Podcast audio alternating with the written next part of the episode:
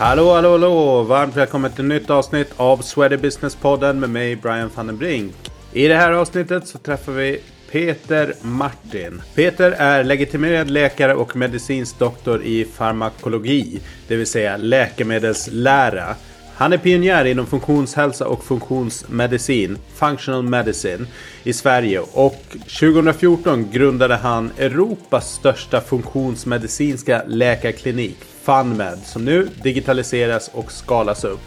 Funktionsmedicin identifierar och åtgärdar de underliggande orsakerna till sjukdom istället för att dämpa symptom med läkemedel.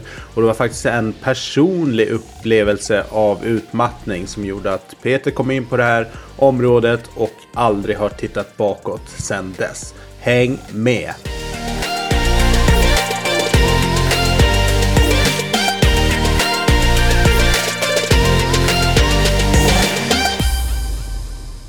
Ja men perfekt. Välkomna till eh, Sweaty Business-podden och ett stort varmt välkommen till Peter Martin. Ja men tack Brian. Jättekul att vara här med Ja. dig. Du, eh, det ska bli jäkligt spännande att eh, prata med dig om funktionsmedicin. Vi kommer prata lite grann om din resa med, med FunMed. Men liksom kost och hälsa det är ju verkligen ett område som jag själv brinner för. Eftersom jag tror att många eh, av lyssnarna också gör. Och att det finns så himla mycket budskap eh, där ute. Och eh, ja, mm, olika liksom synsätt på saker. Men det ska bli väldigt intressant att lyssna på ditt. För jag tycker det finns otroligt mycket vettigt att hämta dig. Ja okej, ja, men det är verkligen stökigt här ute i, när man ska prata kost. Massa olika röster som säger eh, emot varandra helt enkelt. Så att eh, jag ska försöka argumentera för mitt sätt att se på det. Mm. Härligt. Vi ehm, inleder alltid den här podden med några lite kanske enklare frågor för att värma upp lite grann och få det känna lite grann hur, eh, vem gästen är, vem man har framför sig eller i lurarna. Så eh, favoritträningsform om du får välja. Ja, när jag var ung så höll jag på med fäktning faktiskt, men det var ju ett bra tag sedan nu. Men eh, nu så är det helt klart innebandy en dag i veckan med alltså de gubbarna som jag har spelat med i 25 år i liten plan, liksom tre mot tre. Och det är en höjdpunkt för veckan. när Man, eh, både för eh, det roliga med att se vackra mål göras, men också förstås det sociala, när man känner en stark sammanhållning. Mm. Ja, det är superkul. Det blir ganska intensivt också. Man kör så lite mindre plan också. Mm, nej, men det blir verkligen high intensity. Du, om du får obegränsat med pengar till ett enda projekt eller ändamål, vad skulle du då göra? Jag var ju klimataktivist för så här 15 år sedan. Du vet när Al Gore kom med sin film och så. Och engagerade mig mycket i de frågorna. Och jag följer det nära. Och eh, du kanske tror att jag säger fel när jag säger att jag skulle se till att det kom mer kossor på planeten. Men nej, jag, jag skulle faktiskt köpa upp mycket land. Och sen så skulle jag väl valt land och så skulle jag omvandla det till regenerativt jordbruk. Så att man inte bara har monokulturer och odlar till exempel bara vete eller bara majs och så. Och så hade jag sett till att decentralisera hela matsystemet då så att man fick mer matproduktion ute på de här små regenerativa jordbruken. Eh, och det handlar alltså om att man har både eh, betande djur och man har odling och eh, även kycklingar och sånt där. Och då kan man dels producera väldigt mycket mat och så får man också igång ekosystemen igen där. Mm. Men det var inte det denna podden skulle handla om kanske. Så. Nej, men, men vi kanske kommer in, in i det där. För jag har en, en fråga kring det. Men det här ska vara lite kortare och snäppigare här i början. Eh, en app som du använder mycket. Eh, ja, förutom alla de här som man måste ha för att eh, överleva så är det ju nog Ora-appen då för min Ora-ring som jag tittar på varje morgon faktiskt. Mm. Eh, Jag ska inte säga att jag är slav under den, men det ändå, den, är, den ger mycket insikter om eh, hur jag lever och för man får kvitton på hur man har levt. Ja men verkligen. Det är många som, eh, som använder just den som hyllar den väldigt mycket. Så alright. Och ehm, den här frågan då. Här gick det åt helsike. Ja, eh, då skulle jag berätta en sak jag faktiskt nog aldrig har berättat. Men vid eh, IT-kraschen som var i början på, på 2000-talet så hade jag sparat ihop till 173 000 kronor och så gick det bara uppåt, uppåt, uppåt och det var värt över en miljon kronor på ganska kort tid. Okej. Okay. Man investerade. Och bara det att när jag var i fjällen en vecka, då gick allting neråt. Aj, aj, aj, och long story short, så på den tiden fanns det ju inte smartphones och så. Så man hade inte så bra koll på det där med börsen och så. Så det var ju värt ungefär 173 000 kronor efteråt också. Aj. Ja, alright. Ja. Du fick i alla fall pengarna tillbaka på sätt och vis då. Och en bra lärdom faktiskt. Mm. Att veta att pengar kan försvinna väldigt snabbt. Verkligen. Mm. Du, eh, ditt bästa tips för återhämtning? Ja, då måste jag ta det jag själv använder nästan dagligen och det är ju andningsövning. Att om jag känner mig stressad eller verkligen har varit igång mycket, då använder jag till exempel sån här 4, 7, 8 andning. Man andas in fyra sekunder, håller andan sju sekunder och andas ut åtta sekunder. Och sen, så, och sen efter det så mediterar jag ofta. Det kan vara fem minuter eller så. Det tycker jag är en väldigt bra sätt att komma ner i varv och komma eh, in i närvaro. Mm. Du, eh, en eh, stor fråga. Vi ser vad du snappar upp här då. Men det här behöver vi tänka om kring hälsa. Vi vet att vi lägger 80 procent av sjukvårdsbudgeten på kroniska sjukdomar och vi vet att 80 procent av dem vi vet att 80 procent av hjärt-kärlsjukdom, eh, diabetes, stroke, det går att förebygga. Så någonstans har det gått fel. Men vi säger, vi hjälper inte befolkningen att förstå att det håller på att gå fel. Vi bara låter, väntar tills det har gått fel. Här måste vi tänka om. Vi måste mäta mer, förstå mer. Hur långt är jag, Peter, på väg in i mot diabetes eller mot uh, att få en hjärt-kärlsjukdom? Det finns ju massor med saker som man kan göra för att mäta det. Mm. Och det tippar jag att är lite som ni pysslar med på FunMed. Det gör vi absolut. Ja men, jag, ja, men det är intressant just den där um, varför det inte läggs mer krut på det preventiva. Liksom, vad har du för take kring det? Just att sjukvården är, ja, men den är reaktiv eh, till sin största del. Liksom, någon kommer in och är sjuk eller skadad eller någonting. Ja, skadad och inte så mycket att göra åt men just att man ska lösa något som redan har hänt på sätt och vis. Ja. Vi lägger bara 3% av sjukvårdsbudgeten på prevention. Och det är så att det är ju ett systemfel. Det är ju inte fel på människorna där egentligen. Det är fel på utbildningen och på fokus och hur man ser på människor. Den är riggad för akuta sjukdomar egentligen. Eh, så, och det kommer ta lång tid att ställa om det, men vi måste börja. Mm. Alright, du eh, om vi går in på din eh, personliga resa. Vem, vem är du för den som inte har koll alls? Ja, Peter Martin är ju 50 plus. Uh, ja, gift familjefar, bor utanför Göteborg. Mina barn är vuxna. Uh, så jag har ju ägnat större delen av livet, alltså 15 år, åt läkemedelsforskning då. Och höll på att forska med Arvid Carlsson. Han uh, i Göteborg som fick Nobelpriset år 2000, samma år som vi faktiskt startade Carlsson Research. Och jag med och startade ett forskningsföretag med 30 anställda. Hyfsad timing. Ja, det var ju en rolig resa då. Det gjorde att Arvid försvann ju iväg väldigt mycket ut i världen och föreläste över hela världen. Så, här, men, så vi var ett gäng doktorander och andra som drev det där företaget. Men det var, det var jättespännande men också otroligt pressat. Mm. Eh, sen eh, efter det så har jag ju gjort lite andra grejer som vi kommer att prata om tror jag. Mm, exakt. Eh, men om vi tar begreppet då till att börja med som är grunden till namnet på ditt bolag FunMed. Eh, funktionsmedicin. Vad handlar det om? Mm. Det kommer ju från engelskans functional medicine. Så det handlar ju om att man letar efter de underliggande orsakerna till sjukdomar och ohälsa. Och det är en form av precisionshälsa kan man säga. Nu pratar man väldigt mycket om precisionshälsa i Sverige och även i andra länder. Det handlar om att man ska samla in data om varje individ. Biologi, livsstil, miljö. Man, man vet väldigt mycket om det i Brian då, i precisionshälsa. Så kan man använda det och ge en individualiserad behandling. Eh, om man jämför det med den traditionella vården då, där pratar man ju mera om ja, vi kallar det lite skämtsamt för one ill, one pill. Mm. Och det är ju verkligen så det är uppbyggt, att man har ett symptom eller en diagnos och sen så gäller det att hitta rätt läkemedel mot just det symptomet eller den diagnosen. Det var min uppgift när jag jobbade på vårdcentral, och vilket jag gjorde eh, för strax över tio år sedan. Då. Eh, till exempel har du depression så får du Eh, escitalopram eller sertralin som är SSRI-preparat som är utprövat på en grupp av människor. Men vi vet inte om just du kommer att ha nytta av det eller om du kommer få biverkningar. Även om vi vet att gruppen som helhet kan ha haft nytta av det.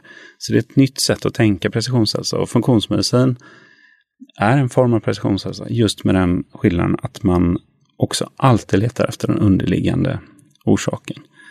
Så, eh, och lite mer skillnaden är att vi, vi ser människan som en helhet. Vi ser det inte som organfragmenterat. Så I den vanliga vården så har du ju en kardiolog, alltså hjärtläkare, du har en dermatolog, hudläkaren och du har gynekologen mm. Eh, för kvinnosjukdomar och så. Men här ser vi alltid kroppen som en helhet, för det sitter ihop. Det är inte olika organ, de samspelar. Eh, och sen har vi väldigt mycket fokus på mag-tarmkanalen, för det är den största ytan mot omvärlden också. Och där finns mycket av immunsystemet, så att det är också en skillnad. Och ytterligare, vi jobbar mycket med kost, eh, livsstil, är läkemedel när det behövs, absolut. Men grunden är att vi tänker att kroppen har en inneboende förmåga att läka själv. Det vet vi om vi får ett sår, vi skär oss, så läker det. Det är mm. inte du som säger till kroppen vad den ska göra. Den kan läka och den kan läka annat än sår. Grejen är bara att vi är lika olika på insidan som på utsidan. Så att vi vet ju inte hur det är med just dig, Brian. Vad är det du behöver för att optimera just din kropp för läkning? Och det vi gör då, eh, eh just på, inte minst på FANME, det är att vi mäter väldigt mycket. Eh, så om vi ska gå in på det så kan vi säga mm, att du, absolut. du får svara på 300 frågor om du kommer till någon av, av våra läkare innan du kommer till dem. Och de har då läst igenom det. Och det handlar om att de vill veta allt om din livsstil, om din hälsa, om din hälsohistoria, dina mål och hur du ser på detta. För att här jobbar vi inte som en auktoritet, att vi ska berätta för dig vilken medicin som är bäst, eller så, utan vi vill förstå dig eh, Eh, i funktionsmedicin. Och sen jobbar vi tillsammans. Du är expert på dig, du är absolut välkommen att söka mer information ute på nätet, googla, ta med dig den, diskutera med oss. Vi vill tillsammans bara hitta det bästa för dig. Så det går ut på att du egentligen ska lära dig så mycket om dig själv och hur din hälsa funkar så att du ska, sen ska klara dig så mycket som möjligt utan, eh, utan guide, guidningen då. Eh, och det är ju väldigt, det är faktiskt så att FunMed, det betyder lite grann rolig medicin och det blir väldigt roligt att jobba på det sättet. Att man ser folk växa, bli friskare med tiden och de har gjort det själva egentligen. Mm. Fast vi har gjort en djuplodande kart kartläggning och vi kan då ge väldigt specifika råd om vad du ska äta, vilka kosttillskott du kanske behöver ta under en tid för att rätta till. Om du har näringsbrister, hur du ska få din mag-tarmfunktion att funka, hur du ska gå ner i vikt, hur du ska få hela kroppsmaskineriet att fungera då. Mm. En bara fråga, jag kan tänka så här att många tycker nog att det är ganska bekvämt med traditionell sjukvård. Du får liksom någon slags diagnos. Du får en, eh, säg att det är ett piller eller någon medicinering. Du ska ta den under en viss tid. Och sen är du inom citattecken frisk eh, förhoppningsvis. Om, om det har varit rätt grej. Du har kanske inte behövt gjort så stort ingrepp på ditt, eh, ditt liv. När jag lyssnar på dig och vad jag förstått så handlar det liksom också rätt mycket om att liksom se över sin sin, att ett helhetsperspektiv på sitt liv också. Mm. Um, är liksom de som kommer till er så pass högmotiverade att de är beredda att göra liksom de typerna av förändringar och liksom inser att det, det räcker inte bara med ett piller här som lindrar besvären utan du måste tänka på det här för att det ska funka över tid. Ja, Men det här är ett helt annat tänkesätt så du har helt rätt i det att vi är ju skolade att vi vill ha en quick fix. Det vill vi ju nästan vad det än handlar om då, mm. och inte minst i sjukvården och att många har ju svårt att ta till sig att det kanske är de själva som behöver göra någonting. I alla fall till en början innan de har förstått kanske djupet av hur det, hur det skulle kunna fungera. Då. Så, så är det. Och de som kommer till oss, de har ju nästan alltid varit runt i den vanliga vården och eh, jag brukar säga att de har sprungit i många olika specialistkorridorer på sjukhuset. Så. Och eh, upplevt att de kan ha fått en del hjälp men eh, inte fullt ut då eftersom de faktiskt väljer att komma till Funmet som ett privat bolag där vi, man får betala ur egen ficka än så länge eftersom det vi gör är så nytt så att det får inga skatte, skattestöd överhuvudtaget. Liksom. Det är inte offentligfinansierat överhuvudtaget. Okay. Varför inte? Ja, det, den frågan får vi ofta. Ja. Varför, och vi kan ju anklagade då för att det kan upplevas som dyrt. Men eh, vi har ingen annan väg att gå än att, som det ofta sker, att mycket av utvecklingen sker ofta i in, innovativa entreprenörsdrivna bolag och sen så tar det lite längre tid innan det kommer in liksom i, i det vanliga offentligt finansierade systemet. Det är inget konstigt med det, det är nog så det måste ske. Um, men det, det här är ju ett paradigmskifte, funktionsmedicin, att börja leta efter grundorsaker, börja mäta massa saker. Sen frågan man ofta får från eh, läkare, ja, men om ni mäter så mycket, då kommer ni hitta saker som är falskt, eh, falskt positiva. Ett av 20 värden kommer vara eh, positivt eh, avvikande fastän det inte, inte skulle stämma. Då. Då måste man förstå att vi letar ju inte efter enstaka värden, vi, vi letar alltid efter mönster. Mm. Vi söker ett mönster. Vi kan se, det är det som är liksom tricket hos våra specialutbildare, läkare och hälsocoacher. Att det tänkesätt man har lärt sig där man alltid då letar efter mönstret och försöker förstå hur det hänger ihop. Eh, så det är inte enstaka värden. Liksom. Och sen den andra grejen att vi följer ju alltid eh, och mäter om och ser allt vi kan. Liksom. En del saker är för dyra att mäta om kanske, men många saker mäter vi om. Vi kanske kan se att låggradig inflammation i form av något som heter högkänsligt CRP. CRP är en, en inflammationsmarkör. Den kanske börjar på 7 eh, och den ska vara mindre än 1 om det ska vara optimalt. Och efter eh, ett och ett halvt år kanske den är nere på 0,7. Eh, men det, då har vi kanske tagit det värdet sex gånger längs vägen och sett att ja, nu har du gått ner i vikt och nu har din inflammation minskat. Och då vet vi att vi har gjort något bra. Mm. Medan eh, vi kan ju få kritik för liksom, nej, ni kan inte mäta enstaka värden. Nej, men vi, det är inte så vi gör heller. Vi, vi kontrollerar om. ja, jag fattar. Mm. Men du, ehm, um, FunMed. Ehm, jag har förstått att det, det, finns en ganska personlig koppling till en egen upplevelse som gjorde att du började gräva i det här ordentligt och liksom någonstans la grunden till, eh, till det som du nu har satt igång. Kan du berätta lite grann? Ja, nej, men det var drygt tio år sedan. Då, då jobbade jag på vårdcentral, hade jobbat i två år, skulle bli distriktsläkare på den lilla orten där jag bor. var min plan. Men eh, en, en sak som hände var att tempot skruvades upp en hel del. Det blev vårdval i Västra Götalandsregionen och påverkade en del. Uh, och det, det trodde jag i början att det kanske var ett, huvud, ett huvudproblem. Men huvudproblemet var nog mer min syn på livet som ledde då till att jag kraschade helt i form av utmattning. Så jag blev sjukskriven för utmattningssyndrom och blev skickad till företagshälsovården och när jag fyllde i formulär, svarade på frågor, det var bara illrött överallt. Liksom. Det bara blinkade varningslampor överallt. Och, och sen så tänkte jag liksom, okej, okay, jag får väl vila en månad då. Eh, men jag var sjukskriven i två år för utmattning så att eh, det var otroligt tufft. Alltså. Det var hjärnan var ju totalt kraschad. Jag hade massor med symptom från hela kroppen och som det bubblade i bröstet och det värk och ja, framförallt så kunde jag inte, inte fungera riktigt. Jag kunde inte liksom göra saker i flera steg. Sånt som att betala räkningar. Det gick inte. Det gick mm. inte. Läsa en tidning mer än en minut. Det gick inte. Hjärnan pallade inte det. Överbelastad liksom. Alltså... Ja, så det var en lång, en lång väg mm. tillbaka då. Och den, det var ju det som sen gjorde att, att jag en, eh, en dag var ute och promenerade med en, eh, en, en kvinna som, som jag känner som heter Sabine Söndergaard. Som jag ofta tackar för detta för att det var hon som fick upp mig på spåret där.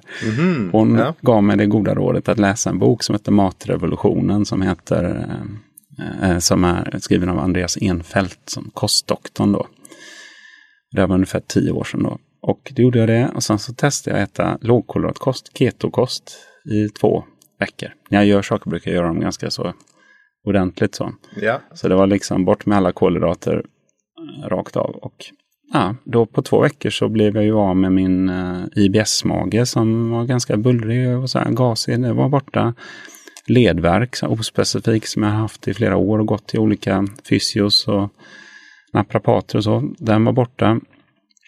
Uh, jag blev av med fem kilo gubbfett runt magen som jag trodde hade med åldern att göra. Det mm. hade det inte. Och min hjärna klarnade upp så jag kunde börja liksom arbetsträna hela dagar istället för halva dagar. Så jag bara tänker, wow, wow, this is a black box. Men vad är det i den här svarta boxen? Man har ju glömt att berätta någonting för mig när jag pluggade medicin i fem sex år. Liksom. Någonting är det man inte har sagt till mig. Eftersom flera hälsoproblem bara försvann. Mm. Och så är det för många som jobbar med funktionsmedicin, att man har en egen historia och det gör det väldigt starkt. Liksom. Den kan man aldrig, aldrig backa tillbaka ifrån utan den, den har man med sig och det, det ger en övertygelse. Och sen när man hör, andra som har liknande historier så blir det bara mer, mer, mer så att man, man måste lära sig mer. Liksom. Så det som hände var att jag 2014 så åkte jag, fast jag var inte frisk då, liksom, men jag bara maniskt åkte till USA och pluggade funktionsmedicin som jag hittade då. För de låg före liksom, eller är det där, ja. där det startade någonstans? Eller? Functional medicine som begrepp startade i början på 90-talet i USA, så det har funnits i 30 år. Mm. Uh, och sen, uh, och de, där jobbar ju, man ju just med mycket med kost och så, så det blir liksom en naturlig förlängning av, av den här kostupplevelsen jag hade då med, med ketokosten. Och i början trodde jag att alla skulle äta keto förstås. Liksom, wow, man blir ju som en messias då. Vilket Sen när man börjar med functional medicine, då förstår man ju att det är individualiseringen som är det stora. Ja. Alltså det här med precisionen, att man förstår vem, vem som bör göra vad. För det är ju inte samma för alla. Alla mår ju inte bra på en ketokost förstås. Liksom. Nej. Även om kanske många skulle göra det.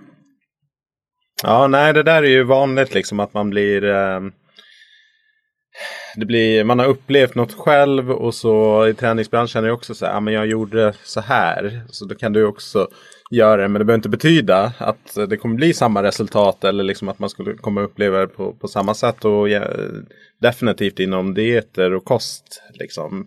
Eh, jag personligen har testat eh, ganska liksom låg kolhydrat sådär och det funkar bra för mig. Jag kan springa och jag känner mig inte svagare eller liksom tröttare. Medan jag har en, en av mina bästa vänner som jag tänker på. Alltså skulle han köra sådär låg på kolhydrater så det skulle inte funka. Liksom, så det är ganska logiskt. Liksom. Men generellt sett kan man säga, men äter vi för mycket då kolhydrater? Det säga att alla ska inte gå ner på låg, men skulle de flesta må bra av att balansera om där lite grann? Mm. Tänker du? Ja, för att eh, om man ska ge ett råd om kost så är det ju att de allra flesta skulle behöva prova att äta lite mindre kolhydrater under en period och se vad som händer. Och det bottnar i att jag vet att 54 procent av svenskarna är överviktiga eller lider av fetma. Ja, 16 procent ungefär har, lider av fetma. Och det har ju eh, ökat mycket de senaste decennierna förstås.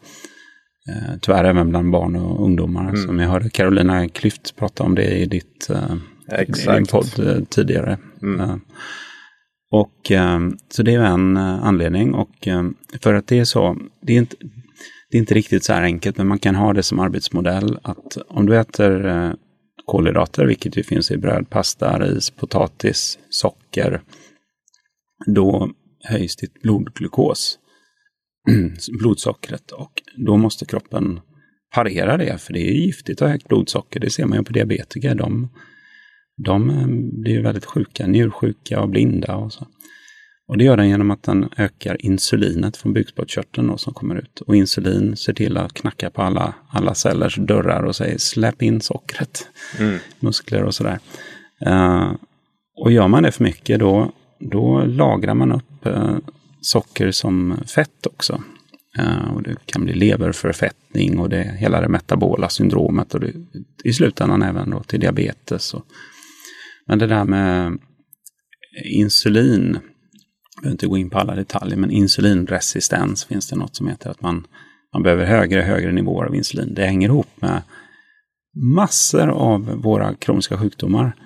Alltså hjärt-kärlsjukdom, Alzheimer, eh, 13 olika cancerformer hänger ihop med det. Alltså. Så insulinet är en stor bov här.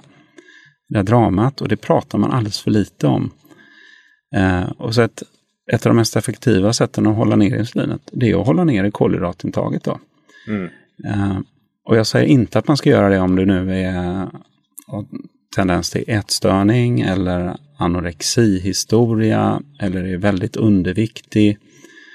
Liksom, det är inte så att jag ger det här rådet till alla, men tittar man också, jag kan ge ytterligare ett exempel. När vi mäter våra patienter, vi har en databas från dem. De är ändå inte överviktiga. Det är bara 30 procent av våra patienter mot de här 54 procenten i samhället som har övervikt eller fetma. All right. 30% Så folk är inte så metabolt sjuka hos oss. De är nog ganska hälsomedvetna ändå, men ändå, ändå lyckas inte få ordning på sin hälsa. Det är därför de kommer till oss. Men de har ändå ungefär 60 procent har förhöjt insulin och 40 procent har förhöjt blodsocker hos dem, ser vi. Alltså då tänker jag optimala värden eh, som de inte har.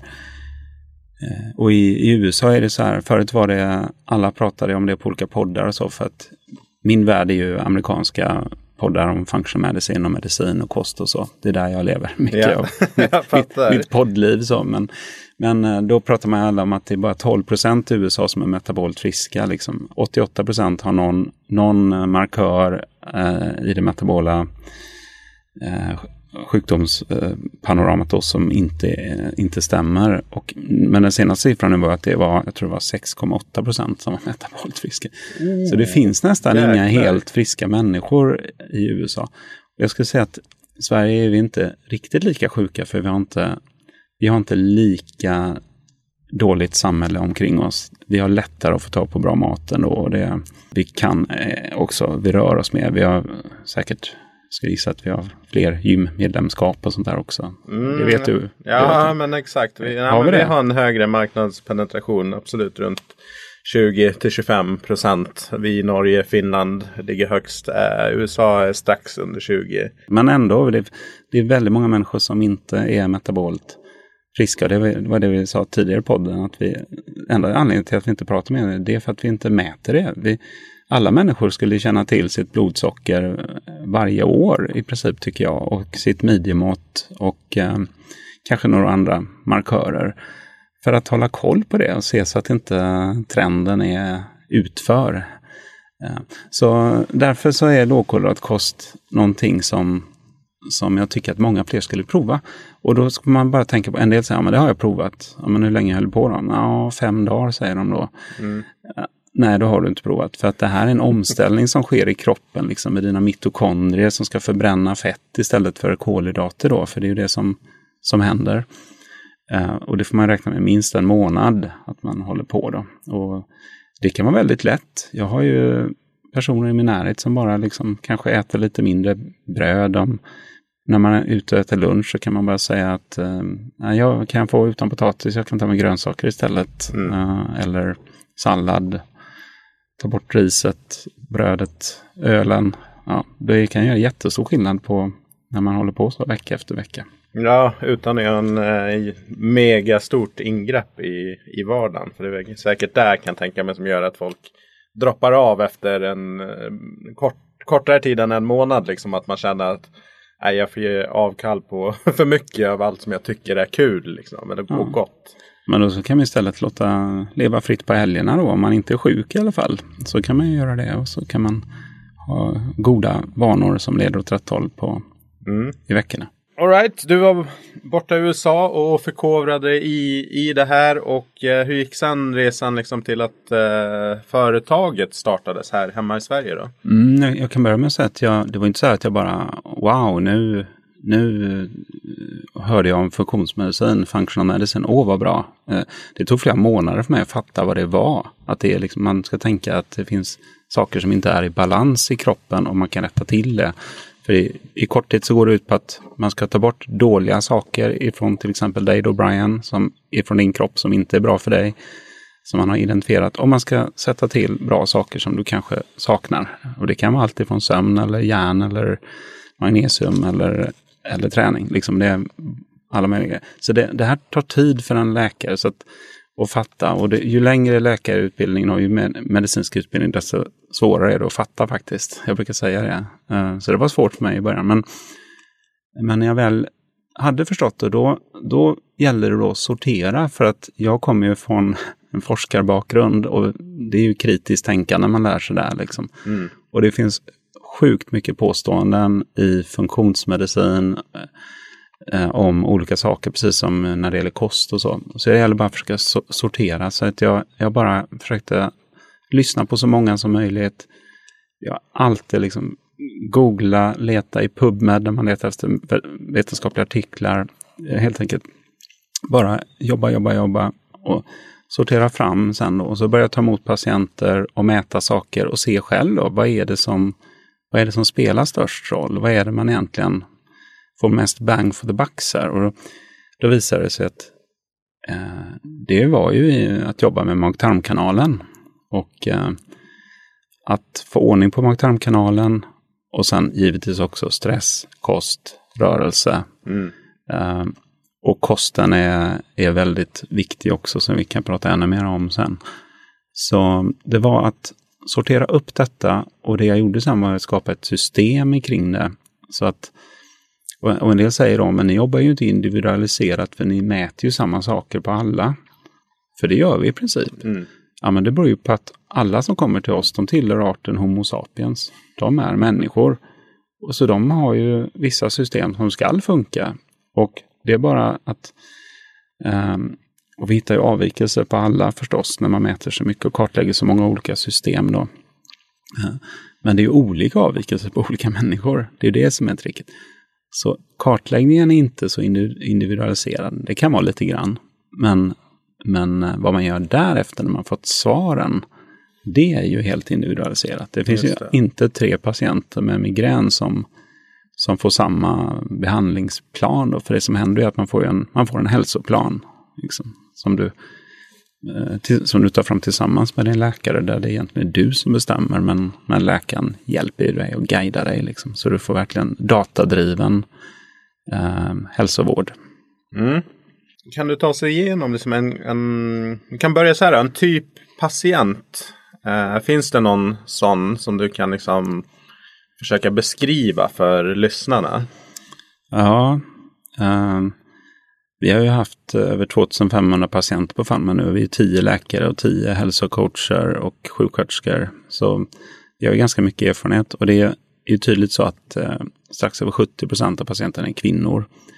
Eh, vanligt är någonstans kanske mellan eh, 40 och 60, många av dem. Eh, det, vi har alla åldrar från från barn upp till, till eh, 92-åringar. Liksom, så det är inte så. Men, men de här medelålders kvinnorna är, är flest. Och de söker kanske för en eller två saker många gånger. Det kan vara utmattning eller det kan vara magbesvär eller det kan vara hudbesvär. Men genomgående, eftersom vi ställer så mycket frågor om symptom, så ser vi att nästan alla som kommer har ju många symptom. Fast de, man tänker inte på det, för man tar så mycket för givet. Och många, många betraktar sig som friska, eh, ser sig själva som friska, fast de kanske har IBS, de kanske har rosacea, eh, rodnad i ansiktet, de kanske har någon ytterligare lite värk och så. Eh, så ibland skojar vi och säger att folk är inbildningsfriska. Eh, det är bara att de inte liksom har förstått att man, man kan må ännu bättre och faktiskt inte ska ha de där symptomen. Så den här medelålders kvinnan har ofta någon form av utmattning eller stressrelaterat. Det kan vara hormonella symptom. Eh, ofta magbesvär av någon form. Det är ju vanligt med IBS, kanske mellan 10-20 procent av befolkningen. Och det är ju okej okay då att, och då undrar ju folk, men hur kan ni hur kan ni jobba med alla de här olika symptomen? Jo, men det är för att vi inte, det är inte symptomet som är det viktiga, det är det underliggande som har lett fram till symptomet som är viktigare för oss. Och det är det vi vill komma åt. Vi ska inte bara släcka varningslampan i bilen, liksom, utan vi ska förstå varför har varningslampan börjat lysa Ja, du hade olja, oljan höll på att ta slut i bilen. Ja, men varför höll oljan på att ta slut då? Så vi ställer mm. alltid frågan varför. Liksom. Just det, gräver djupare och djupare. Det kallas för the medicine of why på engelska. Mm. Alltså varför medicinen. Just det. Du, hur ser en process ut då? Jag eh, som potentiell kund upplever något besvär. Kanske jag har försökt få hjälp på annat håll och sen kommer jag till er. Vad, vad går man igenom? Jo, och det är roligt att prata om för att när jag tog fram detta då, är det, då var det liksom att vi gjorde en väldigt stor kartläggning och sen så behandlingsplan eller hälsoplan och sen så hade man lite återbesök och så. Men det här är ju förstås krävande, förstår du. Man ändrar ju ofta sin livsstil, man ska äta kanske på ett annorlunda sätt under en period. Vi jobbar hela tiden experimentellt, så provar oss fram. Alltså hjälper dig att prova dig fram. Ät så här en månad. Ta bort eh, svavel ur kosten i två veckor. Liksom det är baserat på olika mätvärden och så. Så att det här är ju svårt att göra själv över tid. Så det vi har gjort nu i år är att vi har lanserat en vårdmodell som vi är stolta över och som har mottagits fantastiskt bra. Det är medlemskap. Det, och det funkar så här då att om, låt säga att Brian vill komma till Famma, då kan du gå in på vår hemsida, boka ett gratis introduktionssamtal på, på en kvart. Eh, det kan vara en sjuksköterska som sitter där och pratar med dig. För att vi vill ju inte ha kunder som inte tror vi kan hjälpa på ett bra sätt. Vi vill ju att du ska känna dig trygg också med hur det går till. Och så. Om du då väljer att gå vidare, då träffar du en läkare. Då har du svarat med vårt startformulär i vår app, svarat på massa frågor där och läkaren har läst igenom dem. Så ni har ett samtal, det blir väldigt effektivt för läkaren vet ju vad ni inte behöver prata om också. Och sen efter det så bestämmer ni vilka prover ni ska ta.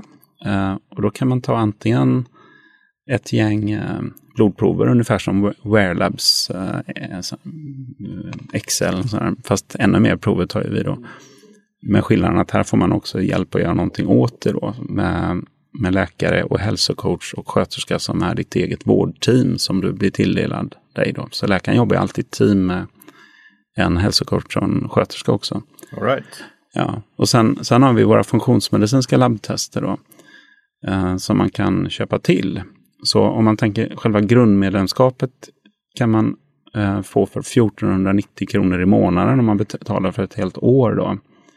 Eh, 1490 kronor i månaden och då har man tillgång till, till sitt team hela tiden. Du har en meddelandefunktion, kan ställa frågor till din hälsocoach och få svar oftast inom ett dygn.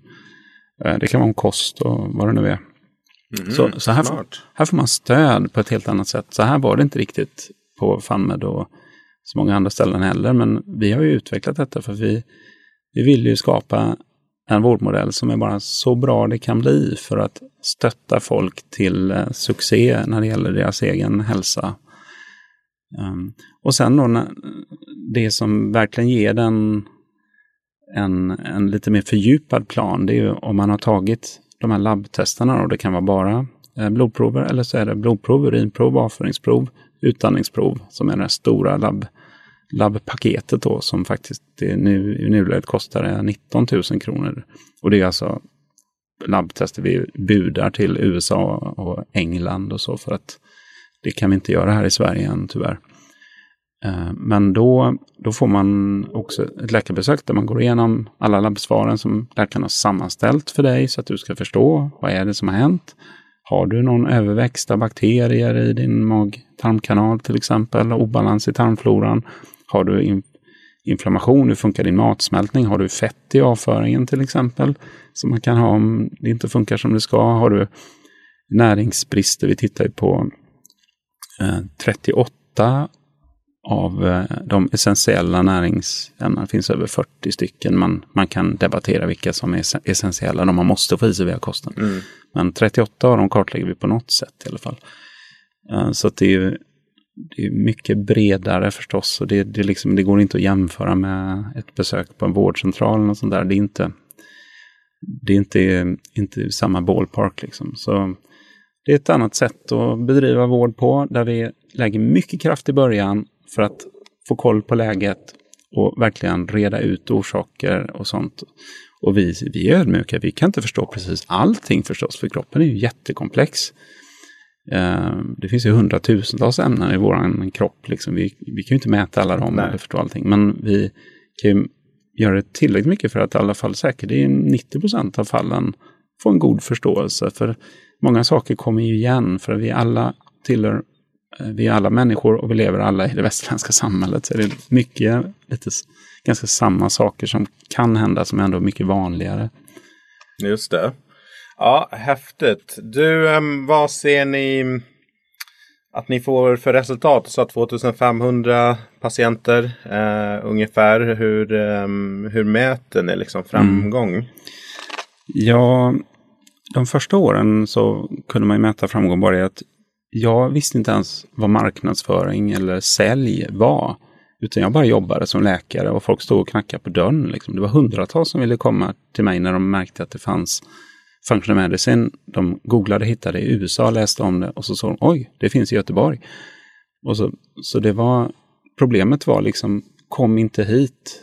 Uh, det var så det var. Okay. Och sen nu när vi skalar upp det så är det ju annorlunda, för nu är vi många, många läkare. Så att nu, och nu är vi ute och, och marknadsför och pratar om det. Eh, och vi, det här med att verkligen ge liksom hårddata hur det går för folk. Det har vi en del sånt, eh, men vi jobbar stenhårt på att bli ännu bättre på att verkligen mäta före, efter och visa på det. Eh, för vanligt som händer är ju att någon kanske kommer med 36 symptom som de har angett att de har. Det, det var inte det de sökte för, men de, de visar i sina formulär de fyller i att ja, de har 36 symptom. Inte alls ovanligt. Och så efter ett halvår kanske de har 32 symptom som är borta och fyra kvar. Liksom. Okay. Sådär. Så det är så saker som jag inte hade en aning om när jag jobbade på vårdcentralen. Att nu resonerar jag så här, om någon har pollenallergi eller astma, om inte det går bort eller blir mycket bättre när vi jobbar, då har vi gjort något fel. Liksom. För det, man ska inte ha pollenallergi eller astma. Jag har träffat så många som har haft till exempel svår pollenallergi och så säger de i, i mars, nu måste jag börja ta antihistaminer för annars blir det jättejobbigt i sommar. Och så säger han, nej men du har ju gått ner i vikt och de här värdena har blivit mycket bättre och mindre inflammation. Och testa utan antihistamin. Så gör de det. De får ingen allergi alls. Pollenallergi. Okay. Till och med så att kattallergi går bort och sådär. Liksom. Det är, det är Spännande. Så, så, man blir blasé. Jag brukar säga att det är, det är eh, ett litet mirakel varje dag och ett stort mirakel varje vecka. Alltså, när man jobbar på det här sättet. Så ett, ett exempel är en, eh, en tioårig, tioårig flicka som hade ADHD, autism och Tourettes. Hon gjorde massa ljud. Uh, Tourettes syndrom liksom. Mm. Och väldigt överaktiv och höll på att liksom riva väntrummet nästan. Och hon kom. Och sen så stackars henne liksom som inte kunde, kunde, kunde vara still. Och, och så. Ja, på bara mindre än två månader, en, två månader när hon var tillbaka och skulle få sina provsvar, då hade hon ändrat kosten bara. Då satt hon helt still i väntrummet, hade inga tics, hon gjorde inga ljud. Så våran personal i väntrummet, de kände inte igen henne, de fattade inte att det var samma person. Liksom. Och det här är bara ett, ett, exempel på hur enkelt det kan vara. Ibland är det bara att ta bort socker och kanske gluten och så.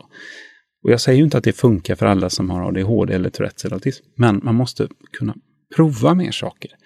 Prova med att eliminera olika saker. Eh, och sen då när vi verkligen greppar med, fattar vad det är som har gått snett med alla de här provsvaren och hjälper, då blir det otroligt kraftfullt. Alltså det, det, men det är som jag säger, man, man blir blasé. Man blir snarare bara liksom lite känner sig nästan lite arg över att det, när det inte funkar, för det, det brukar ju alltid, mm. oftast nästan alltid bli väldigt bra. Liksom. Inte, ja. inte alla gånger men... men, men jag kan tänka mig också att folk blir väl extremt tacksamma. Särskilt om man har haft besvär länge och liksom försökt få hjälp hit och dit. Och sen helt plötsligt så hittar man en väg fram liksom som, som hjälper eh, en så pass. Eh, ja men det är en så pass viktig del av livet liksom. Att, att vara frisk. Ja, nej, men har man inte hälsan har man ju inget, inget full, fullödigt liv. Så är det ju.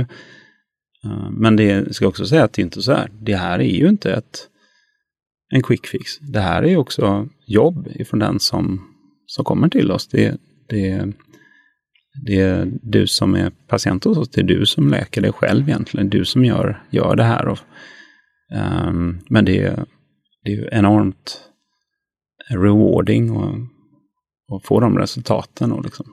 Mm. Jag fattar. Du, om vi går tillbaka till det här med låg eh, kolhydratskost och man kommer ju snabbt in på liksom LCHF, liksom, low carb high fat diet som var väldigt liksom på, i ropet och på tapeten för kanske fem, ja tio år sedan.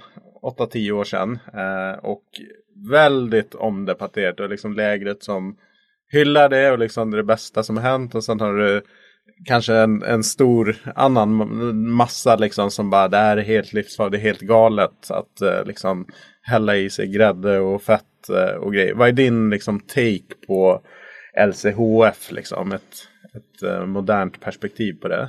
Mm. Um, det första är just det här med att du faktiskt får ner insulinnivåerna och eh, uh, en del fettinlagring och så som många behöver. Så att av den anledningen så skulle jag säga att det är det är ju ändå en logisk approach. Sen undrar man då vad händer med olika andra mätvärden i kroppen, till exempel med blodfetter, inflammation etc. Vikten. Ja, men då finns det ju många studier eh, när man har jämfört lågkolhydratkost med annan kost. Och lågkolhydratkost är alltid minst lika bra eller bättre än när man har jämfört då. Och det finns säkert över 20 sådana studier nu. Jag har ett tag sedan jag tittade på det här. Och sen när man tittar på inflammationsmarkörer och sånt så kan ju de gå ner. Det ser ju vi när vi har patienter som vi mäter så mycket på och också följer. Um, blodfetter så är det ju så att vi har ju väldigt stort fokus på kolesterolvärdet och väldigt stort fokus på att vi har varit fettskrämda sedan kostråden kom i början på 80-talet. Vi ska inte Verkligen. äta fett.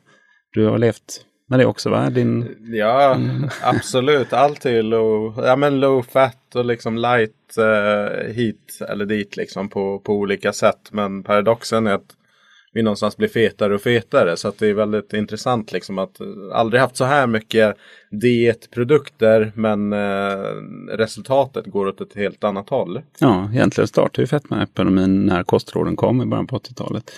Och jag har ju växt upp och ätit massor med hönökaka med messmör och uh, O'boy drack jag litervis när jag var liten. Liksom. Samma här. Gjorde milkshakes på de här Big Pack 3 smak liksom. Och bara hällde i sig en halv liter så inga ja, problem. Nej, för du tränar väl och då brände du ju det. ja. Du spelade hockey liksom. Och yep. ja, men så. Men det var inte riktigt så det funkar. Jag tror jag sabbade min mage, till exempel tarmflora och sånt, när jag var ung. uh, och så, så nej men, men okej, okay, så att jag tror ju att människan har levt på betydligt mindre kolhydrater eh, om man tittar evolutionärt bakåt då. Så det är, ur den aspekten också så är, är det inte så att vi har haft tillgång till eh, inte ens liksom frukt året runt. Eh, utan det åt man ju på, på hösten, i alla fall där vi, vi bor då. Mm. Sen andra varma ställen runt ekvatorn kanske man har ätit mera av, av eh, frukt. Men också där i perioder honung. Då får man klättra upp 15 meter i träd och, och plocka ner det här boet. Liksom. Det var inte, ingenting man kunde göra varje dag kanske.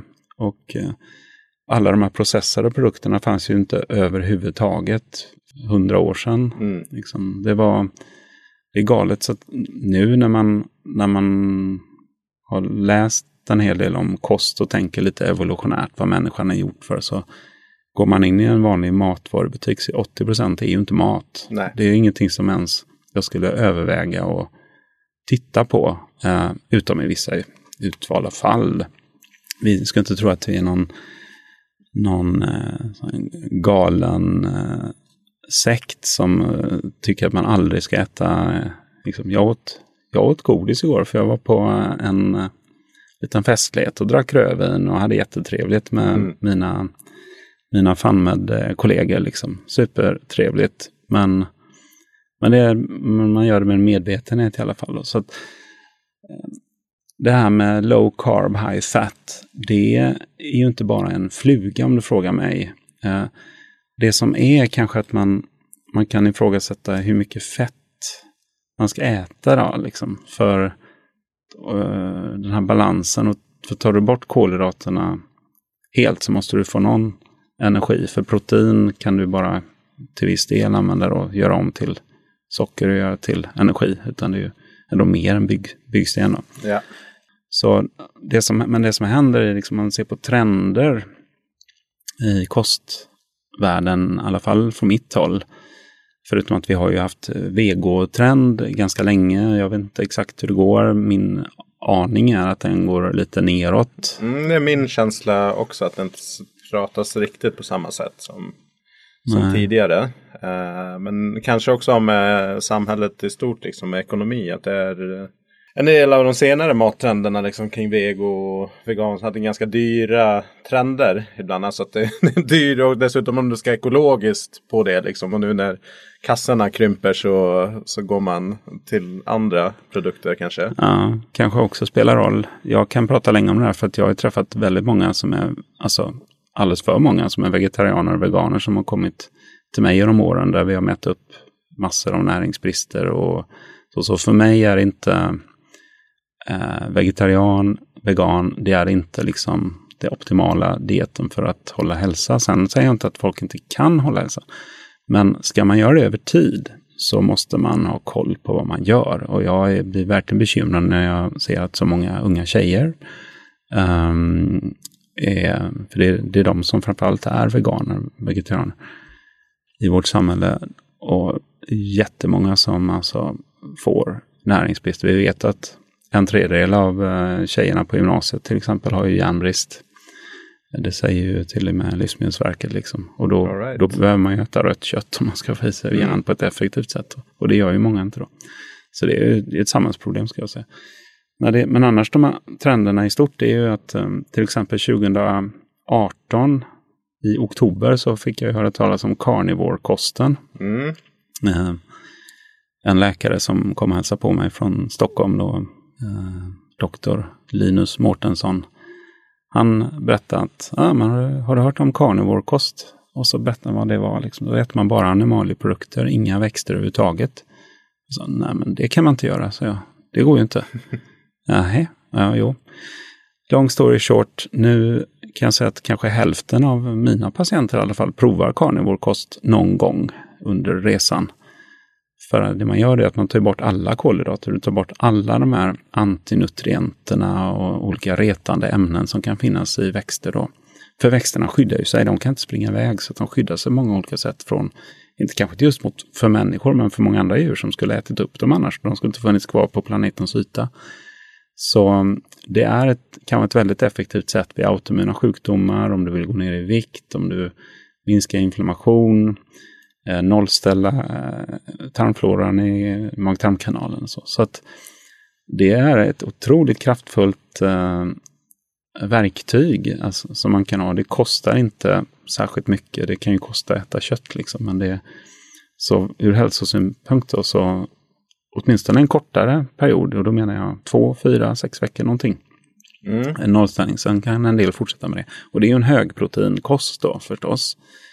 Eh, och det är dit som trenden går till exempel om du tittar på Diet Doctor som kostdoktorn som skrev den här boken som, som omvände mig en gång i tiden. Ja, matrevolutionen. Ja, just det, matrevolutionen. LCHF, som du pratar om, low carb high fat, de har ju bytt ben nu. De pratar inte så mycket om LCHF längre. De pratar om mättnad. Men i mättad så ser man i forskningen att ju mer protein du äter, desto mättare blir du. Det är en väldigt viktig faktor. Och tittar man på var näringen finns i kosten så är det ju framförallt i, i animaliskt protein, inte minst i rött kött. Alltså. Sen vi kan prata om, om olika problematik som man ofta tar upp kring det. Då. Men tittar man bara på hälsa och näring så det här, och det här går ju tvärs emot vad Livsmedelsverket säger, det jag säger nu med att rött kött är näringsrikt och nyttigt. Ja, men det kan jag prata länge om sen. Ja, jag fattar ja. det. Så jag vill bara säga det, det finns något som heter Protein Leverage Hypothesis. Protein Leverage Hypothesis som är stark nu. Och det bygger på forskning då där man ser att um, om, till exempel om du är övervikt, om du går och ökar din proteinintag från 15 procent energiprocent av allting du äter är protein upp till 20, 25, 30, en del äter 35 procent protein. Då blir du mer mätt och går lättare ner i vikt. Liksom, och där har man tittat i massa olika djurslag, alltså allt från insekter till eh, eh, råttor och möss och människor. Mm. Och då skriker ju alla klimat och miljömedvetna. Men ska vi äta mer kött liksom och rött kött. Vad tänker du där, de vågskålarna? Eller spelar de egentligen inte rakt emot varandra nödvändigtvis? Um, två saker jag vill säga där. När det gäller klimatet och rött kött så dels så de siffrorna som ofta förs fram, de är ju överdrivna när det gäller att korna rapar och de står för x antal procent av. Utan det, det, är ofta gamla siffror som var fel från början och som man bara sen väljer att fortsätta fast den är intressant. Liksom. Um, så, så det är den ena grejen då. För det här finns en väldigt, det finns människor med starka agendor här liksom och det finns väldigt många som är övertygade om hur det, hur det ska vara och hur vi ska eh, hantera detta problemet. Den andra biten är det här som jag nämnde förut, regenerativt jordbruk. Om vi, om vi eh, gjorde som det, som det faktiskt ska gå till i naturen, att vi tar exemplet Nordamerika, där fanns 65 miljoner bison. Så långt som in på 1700-talet fanns det 65 miljoner bison liksom innan, innan vi utrotade dem. Mm. Uh, och uh, nu finns det nästan inga kvar det de gjorde var att de sprang fram och tillbaka över ja, i mellanvästerna inte minst. Liksom. Och de bajsade och kissade och betade och sen så fanns det rovdjur som gjorde att de hela tiden rörde på sig. Och då växte gräset som tusan efter att flocken hade varit där. Och de här flockarna var ju så stora så att om du var där som eh, nybyggare så, så kunde du behöva vänta i tre dagar innan flocken hade gått förbi. Liksom.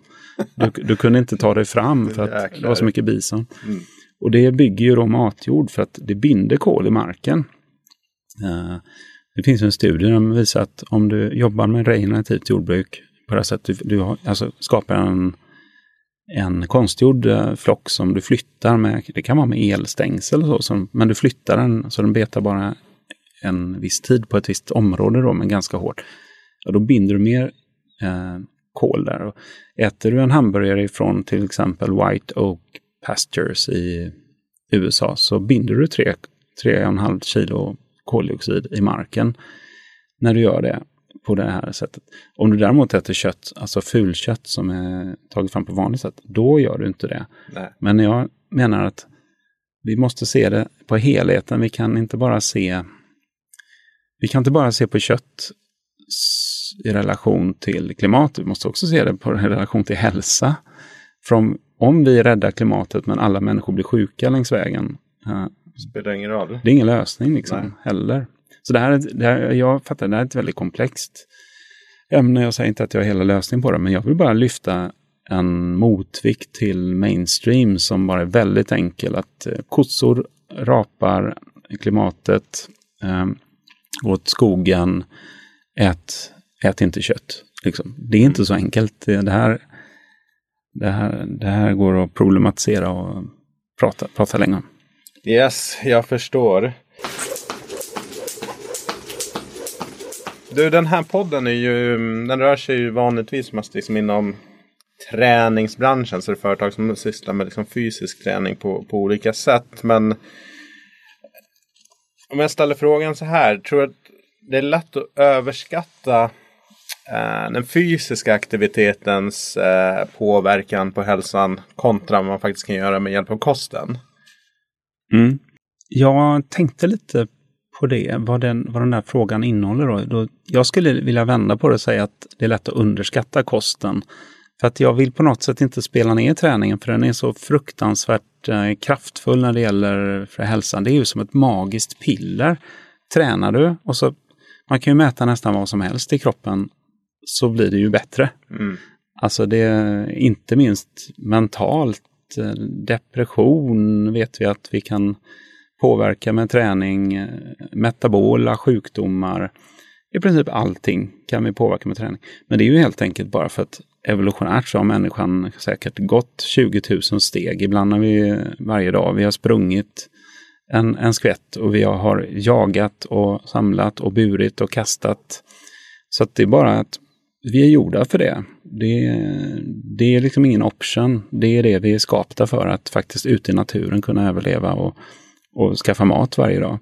Så det är inget alls konstigt med det. Men det vi lätt gör är att vi underskattar kosten ändå. Och det gör att det kanske är ett, det blir ett av våra viktigaste verktyg att, att utnyttja och lära folk om. Och för att, eh, och det bygger på att en läkare idag läser bara 12 timmar näringslära på fem och ett halvt år. Eh, det finns en europeisk studie som visar att i Sverige är det så. Och det stämmer liksom med vad, vad professorer, min, min egen son pluggar medicin, han, han rapporterar ju samma sak, jag har hört det från andra läkarstudenter.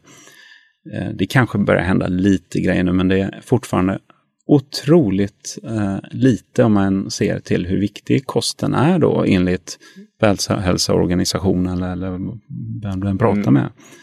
Så det... Jag blev chockad när jag hörde den, eh, den siffran. När jag lyssnade på en podd, det var ett annat sammanhang kring den. Så bara, kan det här verkligen stämma liksom? Och varför lägger man inte lite mer krut på den delen, tror du? Uh, dels är det väl Ja, det, dels har det historiska rötter då att i samband med världskrigen och så, så insåg man att det är viktigt att soldaterna får nutrition. Och då liksom blev det ett eget ämne som man särskilde från medicinen. Så medicin fick gå för sig och nutrition för sig. Liksom. Mm. Um, och sen är det inte så sexigt med kost kanske. Det är inget, inget coolt med det som läkare som ska lära sig massa eh, biokemi och namn och operera och allt möjligt. Liksom. Men samtidigt, det, det gör ju inte att det blir mindre viktigt Nej, för kroppen vad du stoppar i munnen. Och sen är det det att, att det du stoppar i munnen, det är ju det som bygger upp din kropp. Det är ju inget annat. Du måste eh, både bryta ner det, absorbera det och ta upp det. Um, och du stoppar kanske 30 ton mat eller ännu mer i munnen under en livstid. Och det åker ner genom ett ett rör som är några meter långt i din kropp. Och där är det bara ett cellager egentligen i tunntarmen då som kommer efter magsäcken. Så är det en fem meter lång tunntarm. Där är det bara ett cellager som ska hålla tätt. Och det måste vara tunt för annars så kan du inte, när du har brutit ner proteiner till aminosyror eller stärkelse till glukos eller fettet till fettsyror, så kan du inte ta upp det om du inte är väldigt tunt eh, skyddslager i form av det här eh, epitelet eller de cellerna då som, som håller tätt i tunntarmen. Så det är ett väldigt känsligt system. Eh, och där sitter ju också då, eftersom ytan är ju som en badmintonplan där nere. Annars har du inte heller kunnat ta upp alla den här näringen och bygga, bygga dina vackra muskler, Brian. men, men, eh, och därför sitter det mesta av immunförsvaret där också. Vita blodkroppar som patrullerar våra tarmar. 60-70 procent av immunförsvaret sitter runt tarmarna för att det är den största ytan. Liksom. Det är bara logiskt. Vi måste försvara oss. Vi äter ju inte steril mat. Liksom. Det är ju fullt med bakterier och allt möjligt i den. Så det är väldigt logiskt att de flesta sjukdomar kan ha med mag-tarmkanalen att göra på något sätt. Och vi äter varje dag. Det är bara att det är så många som äter så mycket varje dag. Likadant, likadant. Så de får aldrig uppleva någon annan, någon annan verklighet än att de äter den vanliga västerländska kosten. Och väldigt många är känsliga för som gluten, vi äter för mycket socker och kolhydrater som matar olika bakterier, det kan vara svampar i vår mage. Så det blir väldigt lätt obalanser och du kan bli överkänslig också mot till exempel mejeriprotein, äggprotein, eh, gluten etc. Så det finns väldigt mycket som pågår i magen där som, som gör att när man börjar jobba med det strukturerat och faktiskt gör Eh, experiment vecka för vecka så kan man uppnå fantastiska resultat bara med kosten utan att egentligen lägga en, en spänn på, på det. Mm. Vi var inne på det här med insulin i början. Eh, påslag där med, med tanke på glukos, glukosmängden i, i gemene mans kropp. Um, en vältränad person eller en person som är liksom ganska fysiskt aktiv. Har den liksom ett större skydd mot det där så att man kan gå längre och liksom uthärda det där kontra en person som är ja, ganska fysiskt inaktiv? Finns det en skillnad där? Ja, nej men det gör det. Musklerna är ju den största sänkan liksom för eh, blodsocker. Så om du har en person som, har, som väger 70 kilo med mycket muskler och lite fett och en annan tvärtom. Eh, då är den som har mer muskler, där kommer musklerna kunna parera liksom och kunna ta upp mycket av den här socker sockerkicken. För du, i, när du sitter här, du har ju max 5 gram eh, socker i ditt blod nu. Max 5 gram. Det är hela 5 liter blod. Mm. Så det är ju inte mycket socker där. Och då får du tänka på, vad är 5 gram? Det är en, typ en tesked socker. Dricker du en cola kan du få i dig många teskedar socker. Som, eller om du äter en stor portion ris, det bryts eh, snabbt ner till glukos. Eh, starkelse är ju bara en långa kedjor av glukos som snabbt bryts ner och tas upp och du kan få stora socker, eh, blodsockerhöjningar då. Men har du muskler, muskelmassa framförallt så kan du parera det för att då har du mer som kan liksom ta upp det. Och särskilt om du har tränat hårt och tömt ut dina glykogendepåer och, och i levern också som kan då fyllas på när du äter. Så ska man äta Ehm, lite mer kolhydrater någon gång så är det nog eh, allra bästa kan nog vara efter, efter träning då. Bra. Du, ehm, innan vi stänger ner den här podden så, så gå in lite grann på kosttillskott. För det är ju en, ehm, en stor del liksom, av träningsbranschen. Det är många som tar uh, olika kost och vitamintillskott. Uh, frågan är så här, behövs de? Och uh, i så fall, vilka ser du liksom, i ditt arbete att de flesta har nytta av att ta? Mm. Just det, nu har jag inte, fast jag håller på med hälsa så pass länge, så har jag ju bara tangerat in din värld. Jag har lyssnat lite på, på din podd där och är helt fascinerad över ert stora kunnande inom träningsbranschen och allt. Alltså det är en helt ny värld som öppnas för mig. Det är, det är faktiskt rätt roligt. Ja. Så, men jag vet också att, att det är många, ja, inte minst unga killar och så, som jag sett som tar eh, alla möjliga burkar med kosttillskott. Och det kan nog vara svårt att orientera sig. Eh, men generellt sett så ska jag vilja säga med kosttillskott att man ska köpa det av trovärdiga leverantörer för att det är en ganska smutsig bransch. Det kan finnas liksom orena kosttillskott och så. Så jag skulle köpa någon som jag verkligen litar på. Och jag kan inte ge några råd när det gäller liksom gymkosttillskott så kring det. Mm. Uh, bara allmänt att, att uh, det är inte alla kosttillskott som är helt rena. Uh, men så kan vi se på kosttillskott om man ser i grunden tre kosttillskott som, som inte har så mycket med träning att göra, men som väldigt många människor har, eh, nytta av. Det är ju magnesium. Och det är ju relaxationsmineralet, liksom avkopplande. Det, gör, det ger muskelavslappnande effekter. Det gör att du eh, kan sova bättre. Det, det gör att eh, ja, man får mindre kramptendens. Så många har brist på det i vårt stressade samhälle. Dels att vi äter för lite av det, det finns mindre av det i grödorna eftersom det är urlakade jordar, mindre mineraler där. Ja. Och sen så dricker vi alkohol, vi dricker kaffe och det kissar ut mer magnesium helt enkelt också. Så det är väldigt många som har, har brist på det. Det kan vara svårt att mäta på ett enkelt så sätt, tro, säkert sätt om man har brist eller inte. Så egentligen är det bara att testa och man kan testa 200 till 400 milligram magnesium eh, om dagen. Oftast på kvällen då, för då ska man ju slappna av och sova bättre. Så det, det gör väldigt många av våra patienter, prova det helt enkelt. All right. Mm, det kan ha jättebra effekt. Jag tror själv jag har haft magnesiumbrist större delen av mitt liv. Så det var en sak som jag rättade till och som har eh, kommit, fått mig i bättre ordning då för mm. tio år sedan. Där. Så det är en grej. Och sen, sen har vi D-vitamin eh, som många har brist på. Det det kan man ju, det ger massa olika effekter då. Man kan bli alltifrån trött till få värk och eh, större inf infektionsbenägenhet eh, till exempel. Så att, och det, det tycker jag ju alla borde, borde egentligen mäta sin D-vitaminnivå. Eh, för ligger man lågt där då, då, är, man, då är det inte optimalt. Liksom. Och, och, vi brukar säga att minst 75 nanomolar, som det heter, 75 mm. då är um, för att ligga på den, en, en, en, bra nivå. Men är det primärt därför att vi bor här uppe i norr liksom och begränsning i liksom soltimmar och så en stor del av året? Är det därför den bristen? Ja, det är det ju precis. Det, det bildas ju, du kanske bildar 20 000 enheter D-vitamin på en halvtimme om du är i solen. Um, beroende på din uh, hudton förstås. Um, mm. Så och vi har ju många som kommer ifrån, ifrån eh, andra länder nu i Sverige och som har invandrat hit och de eh, och de, de kan ju i sina hemländer också, om det till exempel är muslimska kvinnor som täcker sig, ha D-vitaminbrist även när de bor på sydligare breddgrader.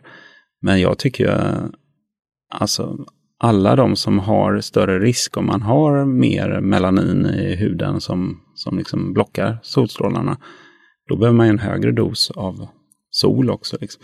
Nej, men då, det är bara, man borde mäta det mycket mer brett. Liksom. Ja. Så, så det, det där är, och det kan ju vara att man kanske tar tusen enheter eller två tusen enheter. Ibland kan det behövas mer, men det bästa är att mäta, se, mäta en eller två gånger per år. Ett, ett eller två eller tre år och se vad man behöver ta helt enkelt. Mm. Det skulle jag rekommendera. Och sen det sista är omega-3. Um, och det kanske är ett eller ett gram eller så omega-3 kapslar. Uh, och det finns faktiskt forskning på att man blir, får mindre sån här muskel uh, soreness på engelska då, efter träning om du tar omega-3. Träningsverk? Ja, ah, det är det nog ja. Mm. Jag tänkte inte på att Nej, det kunde vara så enkelt. Men... Jag läste begreppet här när jag ja, du skickade ju lite grejer innan så jag, och då kom just det här begreppet upp. Men då tänkte jag inte så här träningsverk utan jag tänkte, jag mm. vet inte vad jag tänkte. Men nu när du sa det så tänkte jag, är det träningsverk? Nej, just det, men det, ja. det är det nog helt enkelt. Ja, men det, det, det tror jag. Så D-vitamin, magnesium och omega-3, det liksom, kan man ha som en grund och och väldigt vanligt att man kan ha nytta av det liksom, utan att det bara har med träning att göra. Sen när det gäller träning, om man tar det kort, så kreatin, det, det har vi känt till i, i närmare 200 år, det ämnet. Mm. Uh, och krea betyder kött på grekiska, så det kommer ju från, det finns mycket muskler då.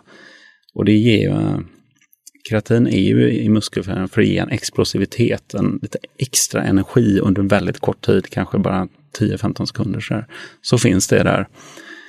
Det har väl att vi ska kunna springa ifrån en tiger eller sånt där, tänker jag. Ja. Eh, eh, men eh, då kan man ju ta 5-10 gram om dagen och det här, det här tror jag de flesta som tränar kan... Många, många har provat det och det är inte, inte farligt. Alltså det, det finns snack om att man skulle kunna tappa håret av kreatin.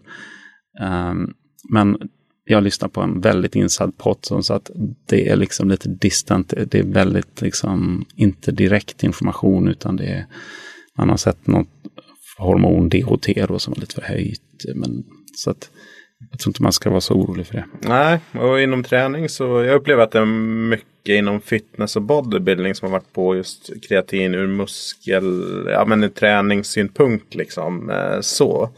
Eh, men de menar att det finns andra fördelar också man kan ha utav att ta det. Eh, framförallt för muskel, eh, musklerna, men också antidepressivt faktiskt. finns det studier att det hjälper när man behandlar med antidepressiva och tar kreatin samtidigt så kan det förhöja det. Och det, det här använde jag själv när jag då i början hade upptäckt funktionsmedicin. Då testade jag, brukar säga att jag testar allt utom kvinnliga könshormoner. Men då testade jag kreatin och jag märkte att min hjärna funkar ju bättre. Um, på det. Uh, så det var ju fantastiskt. Um, så för själva, själva tänkandet. Liksom. Mm. Ja, det är ju mm. superviktigt för ställer jag mer och mer till ett samhälle där man jobbar kanske mer med hjärnan än med, med kroppen som man gjorde förr i tiden och i vissa delar av världen där det fortfarande är mycket en produktionsekonomi. Så att uh, hjärnan är ju central i att du behöver använda den mycket i liksom, ditt dagliga arbete till exempel. Ja, när det gäller att vara skarp där. Och, och det, jag kan säga det också, om du är vegan eller vegetarian, då får du i dig mycket mindre kreatin i kosten eftersom du inte äter kött där kreatin finns. Och, så är du vegetarian eller vegan, då har du större effekt av att, eh, substitu- mm. att, att ha kreatin då. För då får du upp nivåerna. Och du kan ju höja nivåerna i musklerna med 20 procent tror jag om du tar tar kreatintillskott. Liksom. Så det är ganska mycket. Det är därför man blir lite svullen i musklerna av det också. Samlar på sig lite mer vätska. Och Just det. kan nästan kännas trångt i, i huden kan jag uppleva ibland när jag har tagit det. Okej, okay, sen, sen kan man ju förstås ta olika proteinpulver då. Vassleprotein är ju från mjölk. Mm. Det är mm. liksom, om man tittar på mjölkprotein så är det ju 80% kasein och 20% vassle. Och förr kastade man bara vasslen. Och nu gör man ju sen lång tid tillbaka proteinpulver då, som är superbra protein. Om man tål mejeriprotein liksom, så man kan ju absolut prova med och utan mjölkprodukter om man vill, vill experimentera. Eh, kasein kanske är lite svårare att bryta ner och sådär. Men eh, så, så proteinpulver det, det är ganska basic så att man behöver ju få i sig. Eh, man pratar väl om att man behöver få i sig 30 gram protein, alltså inte 30 gram kött eller så, utan 30 gram protein. Uh, för att då får du i dig, ofta då om du äter till exempel det i form av kött eller vassel, så är ungefär 3 gram är leucin, leucin, den aminosyran. Och det är den mm. som sätter på proteinsyntesen om du vill gymma och bygga muskler. Då, då vill du ha 3 gram lev, leucin i, alltså det är ungefär 10, 10 procent av, av proteinet. Så um, proteinpulver funkar ju, men um, och det, vad jag förstår så är det inte jätteviktigt om man tar det liksom 30 minuter innan eller efter. Eller det är liksom, fönstret är ju inte exakt att man måste ta det exakt när man tränar. Alltså, det finns lite, du skulle tänka på att det ska ner i magen, det ska eh, brytas ner till aminosyror och tas upp också. Liksom, så. Behöver inte stressa ihjäl sig. Nej, inte så. Men är det också de här tillskotten som du skulle säga som det finns mest eh, belägg kring också? Uh, ja, mm. Nej, men det, det, det, så, är det, så är det. Och så finns det BCA också då, Branch Chain Amino Acids, där leucin ingår då. Som mm. Det är leucin och valin och isovalin, det är tre aminosyror. Men det är ju leucinet som har effekten egentligen där. Och så. Det är lite som proteinpulver på, på steroider, eller på att säga. Ja.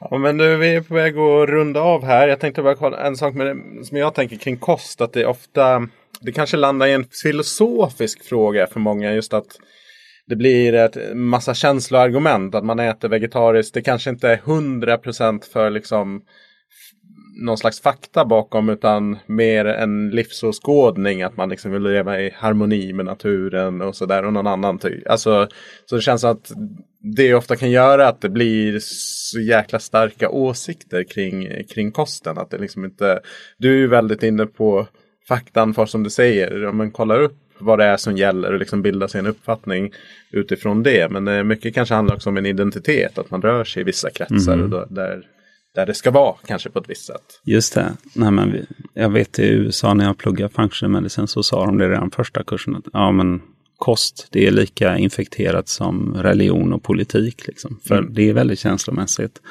Och man, har, man kan liksom äta på ett visst sätt av en viss anledning. Och det är inte minst på kanterna då kanske veganer och de som äter carnivore kost. De är helt diametralt motsatta men de kan vara väldigt övertygade om att om man inte är så som man ska äta, så ska alla äta. Och, så. och jag har inga problem med att man, att man kan äta olika och tycka olika om kost. Men jag tycker inte att man ska trycka ner det i halsen på andra och säga att du ska göra så här, alla ska göra så här. Mm. För det här är, som vi bara berört lite grann det här avsnittet, dels är det individuellt, sen så är det inte så enkelt att till exempel att eh, kött alltid leder till klimatförändring eller eh, kött är dåligt och rött kött ger inte cancer. Kan jag säga. Om ni, vi har spelat precis in en podd eh, som kom förra veckan som heter Hälsosnack. Och där pratar vi just om en ny studie om rött kött. Där det ger inte, finns inga starka indikationer på att det ger eh, cancer eller egentligen några av de här farliga stora sjukdomarna. Så att det, det finns mycket övertygelse om, men en uppmaningen blir liksom sätt dig in i detta och så prova själv och ät på olika sätt. Prova! Och gör det gärna tillsammans med kompisar och liksom bestäm er för, ska vi vara med och testa nu? Prova att fasta ett dygn eh, till exempel och se vad som händer. Du kommer uppleva spännande saker tror jag. Mm. Ja, summera någonstans med att vara, vara nyfiken och öppensinnad för olika infallsvinklar kring det här. Ja, vi lär oss hela tiden. Yes, du, eh, jag får tacka så himla mycket. Du ska vidare med tåget här till um, Göteborg, antar jag. Ja. Um, jag kommer länka in i avsnittsbeskrivningen till uh, FunMeds hemsida om, för den som vill uh, läsa mer kring uh, vad du uh, pysslar med och vad ni gör i er verksamhet. Ja, man gör det. Och där kan man ju följa vårt nyhetsbrev också. Man kan boka gratis introduktionssamtal, en kvart bara snacka med en sköterska. Och sen kan man också eh, följa både FunMed och mig då, Peter Martin, på LinkedIn till exempel. Och vi, FunMed finns även på Facebook och Instagram och sådär. Där, mm. där hänger jag sällan, men, men det finns där också. Yes, jag lägger in de länkarna också. Du, ähm, sista frågan. Vilken låt ska vi rulla ut det här avsnittet till? Ja, jag misstänker att du brukar få sådana goda träningslåtar som pumpar ut. Det är ganska mycket eh, tempo. Ja. men det har varit lite av varje faktiskt. Ja, men nu ska du få någon som, en låt som du aldrig har hört. Och det är en uh, ganska poetisk låt, lite lätt vemod. Jag har spelat den hundra gånger på repeat när jag sitter och jobbar. Och det är mina söner som har musikprojekt mm -hmm. uh, som de har lagt upp på Spotify. Och den här låten heter Post-it drömmar. Okej. Okay. Spännande. Den ska vi fiska fram och eh, se till att rulla ut det här avsnittet till. Stort tack Peter. Tack själv Brian.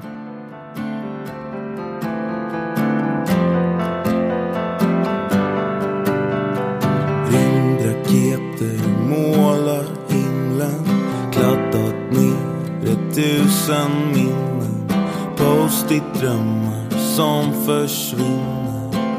Dansar bort i undan vinden. Önskar lycka till i natten. Skala glöd från fönsterkarmen. Kärleken kan ljuga vackert. En regnbåge som tappat skatten. Yamasaki, Dios mio Dansa tango med Orion Sett vår film från alla sidor Nu är våran saga frigjord Som post-it drömmar, post-it sorger Ska vi fly nu och lämna ånger? Det blir okej, okay. du är okej okay. Glöm nu bort mig och våra sånger